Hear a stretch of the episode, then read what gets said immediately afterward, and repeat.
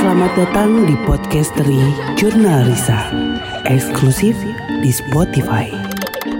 Download Anchor.fm untuk membuat podcast gratis.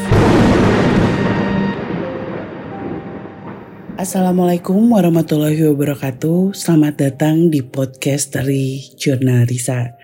Saya Risa Saraswati akhirnya bercerita lagi sama kalian tentang hal-hal yang mistis, yang penuh suasana menegangkan kepada kalian di podcastery. Saya pengen ngingetin setiap hari Senin, Rabu, dan Jumat podcastery akan selalu kalian dengarkan di Spotify.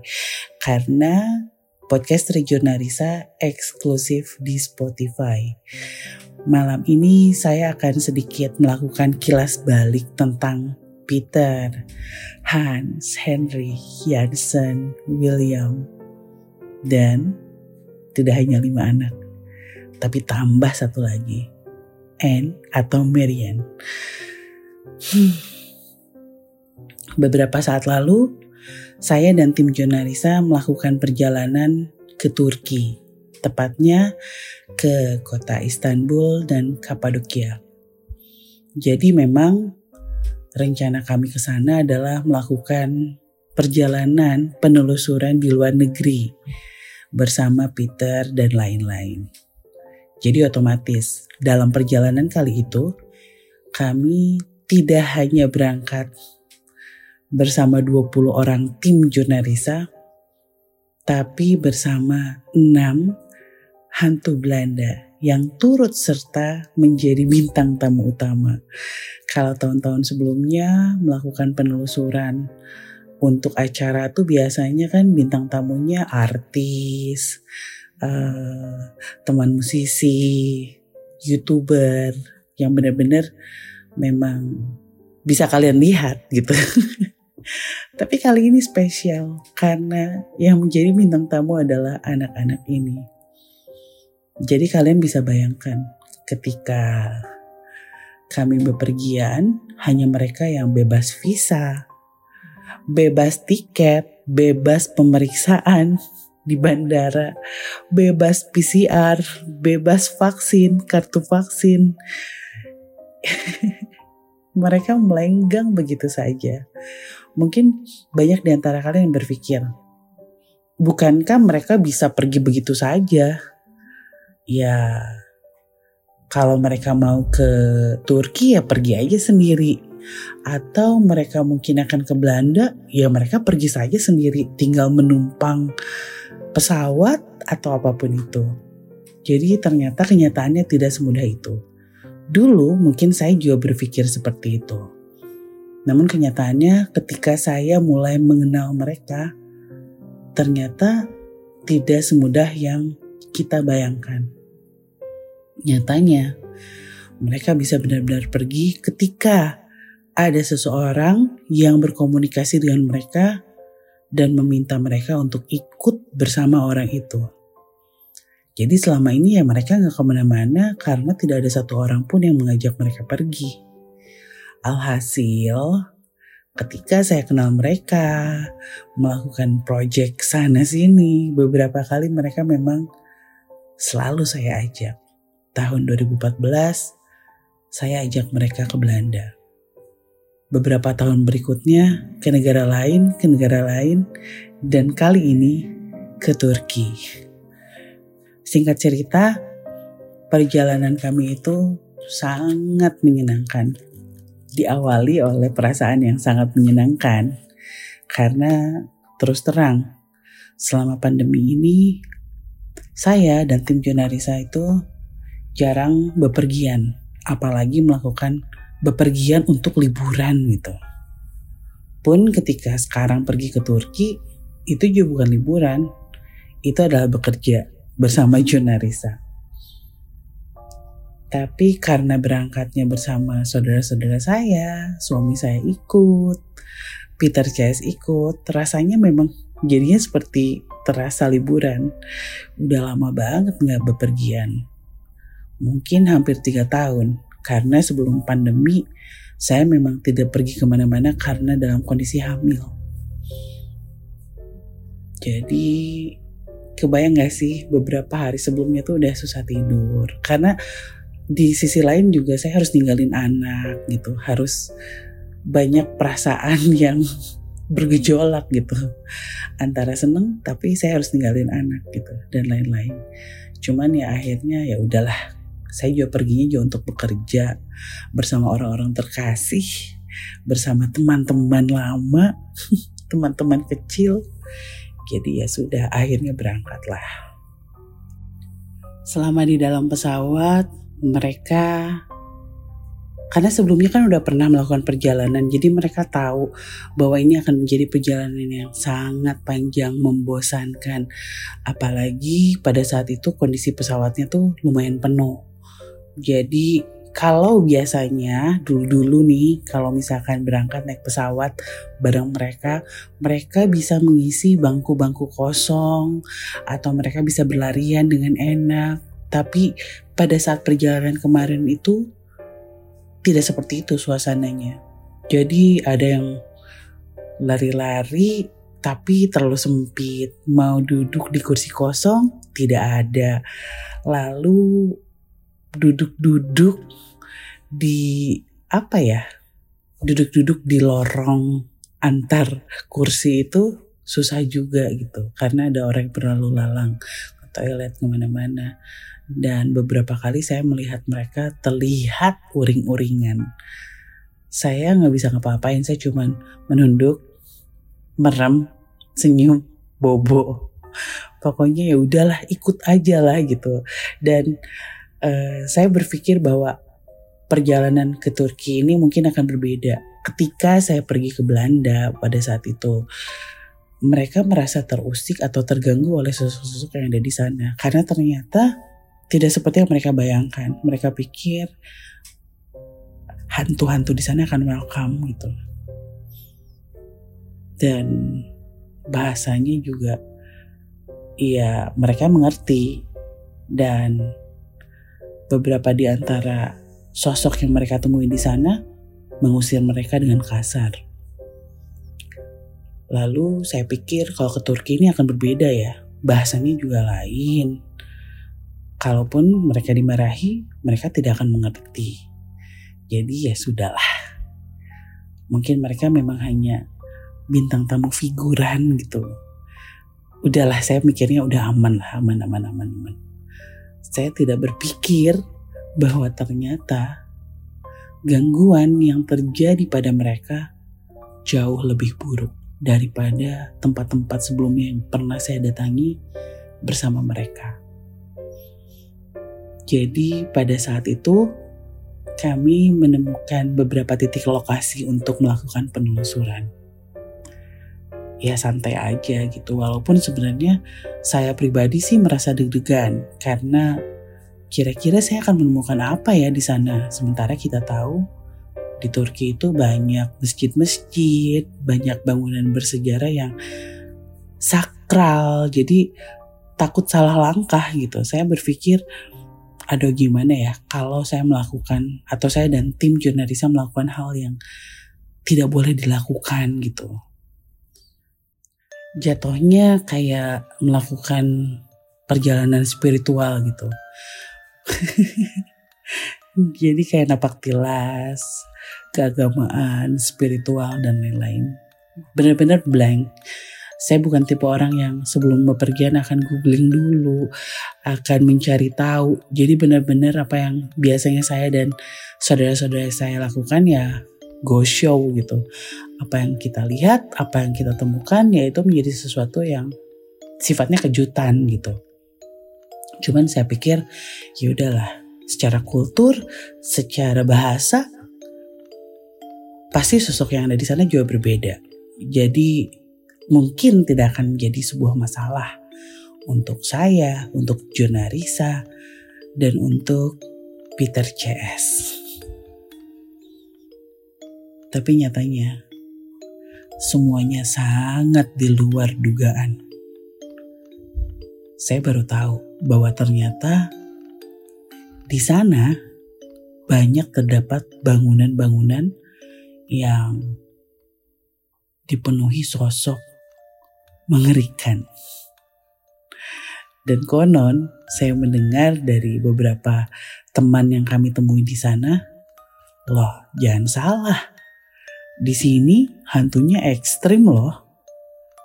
Bahkan tidak jarang menampakkan diri, jahil, galak. Pokoknya hal-hal yang mungkin tidak pernah akan kalian temukan di Indonesia, kalian akan temukan di sini. Wah, yang benar saya pikir. iya, beneran. Di sini tuh ekstrim. Oh, oke. Okay. Saya masih yang ah. Cuman mungkin itu hanya mitos aja gitu karena toh nyatanya orang yang bilang kayak gitu tuh memang belum pernah merasakan. Cuman ini juga katanya katanya dan katanya. Tibalah kami ke sebuah tempat di lokasi pertama penelusuran di mana di situ ada sebuah rumah yang konon sudah ditinggalkan lama oleh pemiliknya. Kalaupun ada yang terisi itu hanya beberapa. Jadi dari satu komplek besar itu itu hanya keisi satu dua rumah gitu. Itu pun yang mengisi udah tua udah nenek-nenek gitu yang hidup sendirian. Dan sebelah sebelahnya tuh banyak banget rumah kosong gitu yang sudah lama ditinggalkan. Tapi karena bentuk rumahnya bagus cuacanya dingin sejuk itu kesan pertama yang saya rasakan begitu sampai ke lokasi oh ini keren banget ini kayaknya asik buat foto-foto.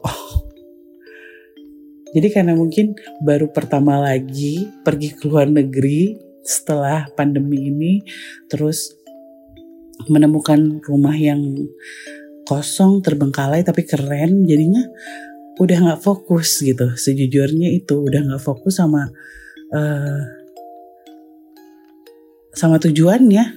Jadi beneran foto-foto yuk, foto-foto yuk gitu. Itu yang terjadi di sore harinya. Karena memang untuk mm, melakukan penelusuran itu kami biasanya standby dari sore melakukan stock shoot gitu. Dan ya udah kita nggak melihat sesuatu atau merasakan hal yang kayaknya serem deh. Enggak gitu. Jadi benar-benar happy gitu vibesnya.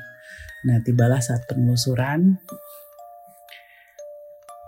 Di situ saya nggak berniat untuk membocorkan ya, cuman memberitahu kalian uh, sebetapa mengerikannya penelusuran kami kemarin.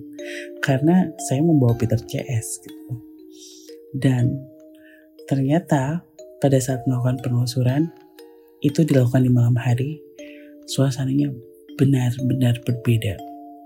Dari rumah-rumah kosong itu saya dan sebagian saudara-saudara saya melihat sesuatu yang terus bergerak. Kami rasa itu tidak kosong. Seperti ada yang mengintip dari dalam, memerhatikan kita. Seolah mereka semua sedang bertanya-tanya gitu. Ini orang-orang asing ngapain ya ke sini? Ini bukan nenek-nenek yang masih hidup ya, tapi ini rumah-rumah kosong itu yang notabene memang gak ada yang nempatin. Seolah-olah rumah-rumah kosong itu terasa ramai. Dan dari situ udah mulai kerasa auranya berbeda. Saya udah mulai Mungkin kalian sering lihat lah kalau di jurnalisa, kalau saya udah panik, saya udah takut, itu gelagatnya tuh menyebalkan gitu yang, aduh, aduh, mencari pertolongan, Jeffrey, Angga, benar-benar yang panik. Apalagi pada saat itu kita harus membagi tim menjadi tiga tim. Jadi setiap penelusuran kita membagi menjadi tiga tim. Kenapa? Karena kami tidak ingin uh, mendatangkan keributan gitu. Takutnya warga penasaran, ini lagi ngapain dan lain-lain. Jadi benar-benar menjadi tim minimalis. Dan kalian tahu ketika kita bersedikit atau menjadi tim yang minimalis, itu bisa dipastikan kondisi kami itu bubuk alias banyak hal yang membuat kami itu kewalahan ini baru hari pertama. Oke okay lah, saya ketakutan. Pada saat itu kalau nggak salah saya sama Riri, Fahrul kalau nggak salah. Dan belum apa-apa, kami sudah dihinggapi perasaan yang sangat takut. Rumah yang tadinya terlihat keren, asik, tiba-tiba menjadi sangat menyeramkan. Tatapan-tatapan itu terlihat jelas dari dalam. Saya nggak berani deket-deket. Ya, begitu juga Riri dan Farul pada saat itu. Sampai, ya saya pada saat itu sampai tidak memikirkan teman-teman kecil saya. Jadi saya lebih mempedulikan diri saya gitu yang pada saat itu merasa tegang, takut, dan pengen proses syutingnya segera berakhir. Tanpa memikirkan bagaimana mereka, apa reaksi mereka. Karena sejujurnya pada saat sampai di sana, saya membebaskan mereka untuk kalau kalian mau pergi silahkan. Kalian mau lihat-lihat silahkan. Tapi pada saat uh, aku atau saya uh, akan melakukan syuting, bekerja bersama saudara-saudara saya, tolong kalian datang. Jadi sebelum syuting ya saya panggil mereka dulu dan mereka datang. Tapi datang ke lokasi pun mereka langsung kayak berlari-lari ke sana sini gitu. Dan biasanya kalau dilakukan di Bandung atau di mana ya mereka fun. Kalaupun ada yang menyeramkan mereka pasti akan langsung laporan. Nah, pada saat itu saya lupa kalau saya bawa mereka. Saya mikirin diri saya aja gitu. Ya begitupun yang lainnya. Kami sama-sama merasakan hal yang ini serem banget sih. Kayaknya ada sesuatu yang jahat gitu dari dalam sana ya nggak tahu kenapa sih kalau misalkan datang suatu tempat kalau yang didatengin sama kita itu adalah sosok yang negatif pasti kerasa dan perasaan itu muncul hari itu di hari pertama penelusuran bayangin ini baru hari pertama lagi syuting tiba-tiba didatangi tiba-tiba kami panik banget sampai akhirnya melintas di kepala saya anak-anak ke mana ya? Hendrik mana? Itu ya ampun baru. Jadi setelah sekian lama beberapa menit syuting baru saya keinget anak-anak itu dan semuanya saya panggil. Itu off cam ya. Saya panggil satu persatu dan kok nggak lengkap? Ini satu anak ke mana? Dan di situ panik banget. Tiba-tiba Marian datang, tiba-tiba Jansen datang, Peter datang dan semuanya terlihat sangat ketakutan. Mereka merengek, "Ayo kita pergi, ayo kita pergi. Kami tidak suka di sini. Semuanya jahat, semuanya jahat. Kami takut." Bayangin, hantu aja takut apalagi gue. dan dan keadaan itu jadi kacau, chaos. Sementara ini bisa dibilang ya tim lemah lah. Saya, Riri, Faru udah nggak bisa ngapa-ngapain.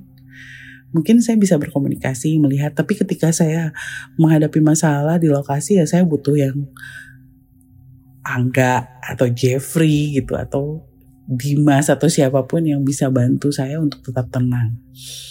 Dan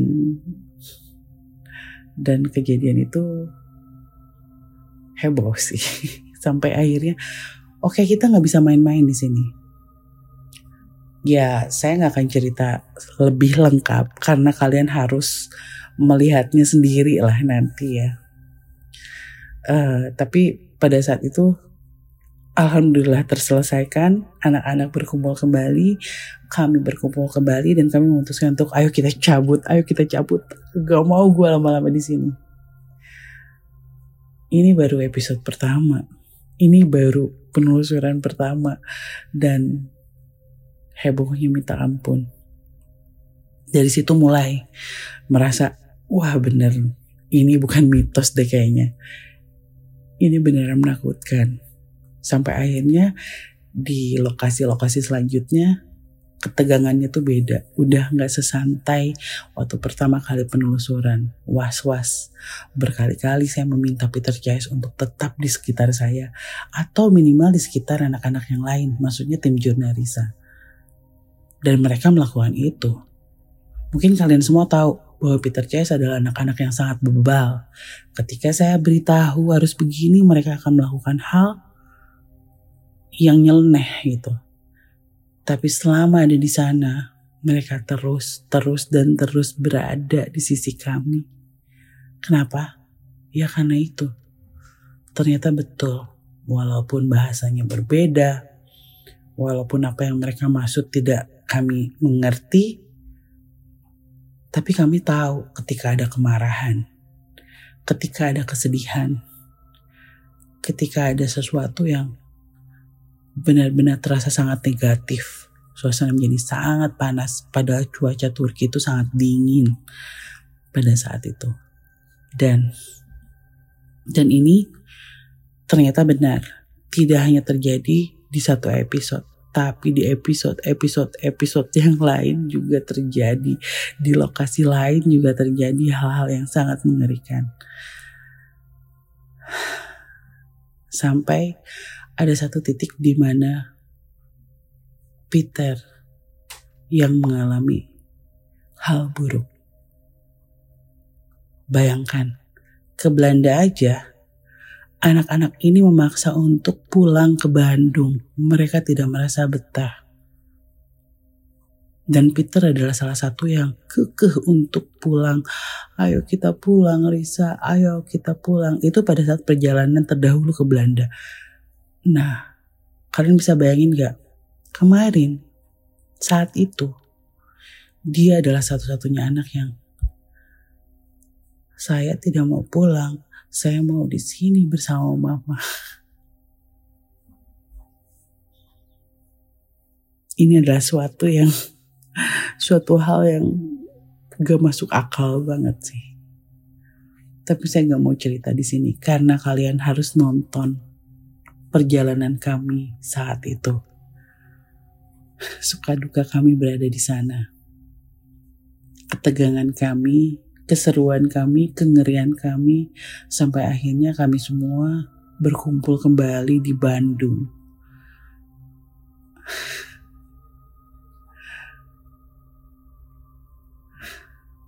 Semuanya itu kalian bisa tonton di Ghostbuster season 3 kami ke Turki bersama Peter CS dan Marian. Ya Marian juga udah masuk jadi Peter CS sih. Kalian harus nonton. Gimana cara nontonnya? Kalian boleh cek sosmed kami karena kami akan kasih tahu kalian gimana caranya agar kalian bisa nonton.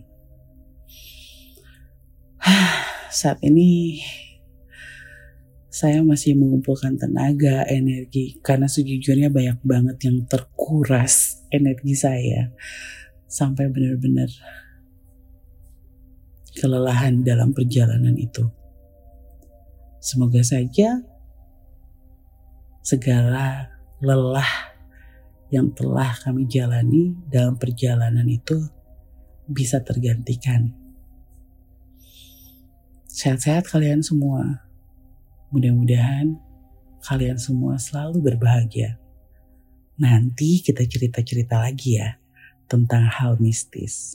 Saya akan cerita juga tentang hal-hal yang saya alami di sana di belakang layar. Tapi kalian harus nonton dulu yang di depan layarnya. Mudah-mudahan kalian suka. Sampai jumpa di podcast dari Jurnalisa selanjutnya. Wassalamualaikum warahmatullahi wabarakatuh.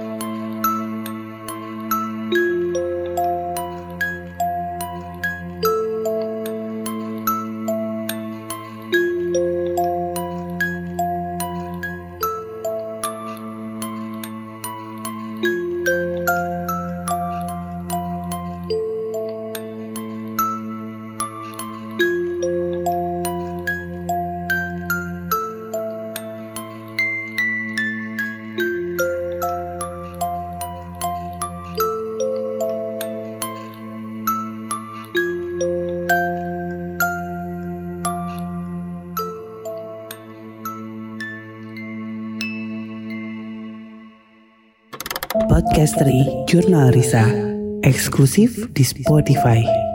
Download Anchor.fm untuk membuat podcast.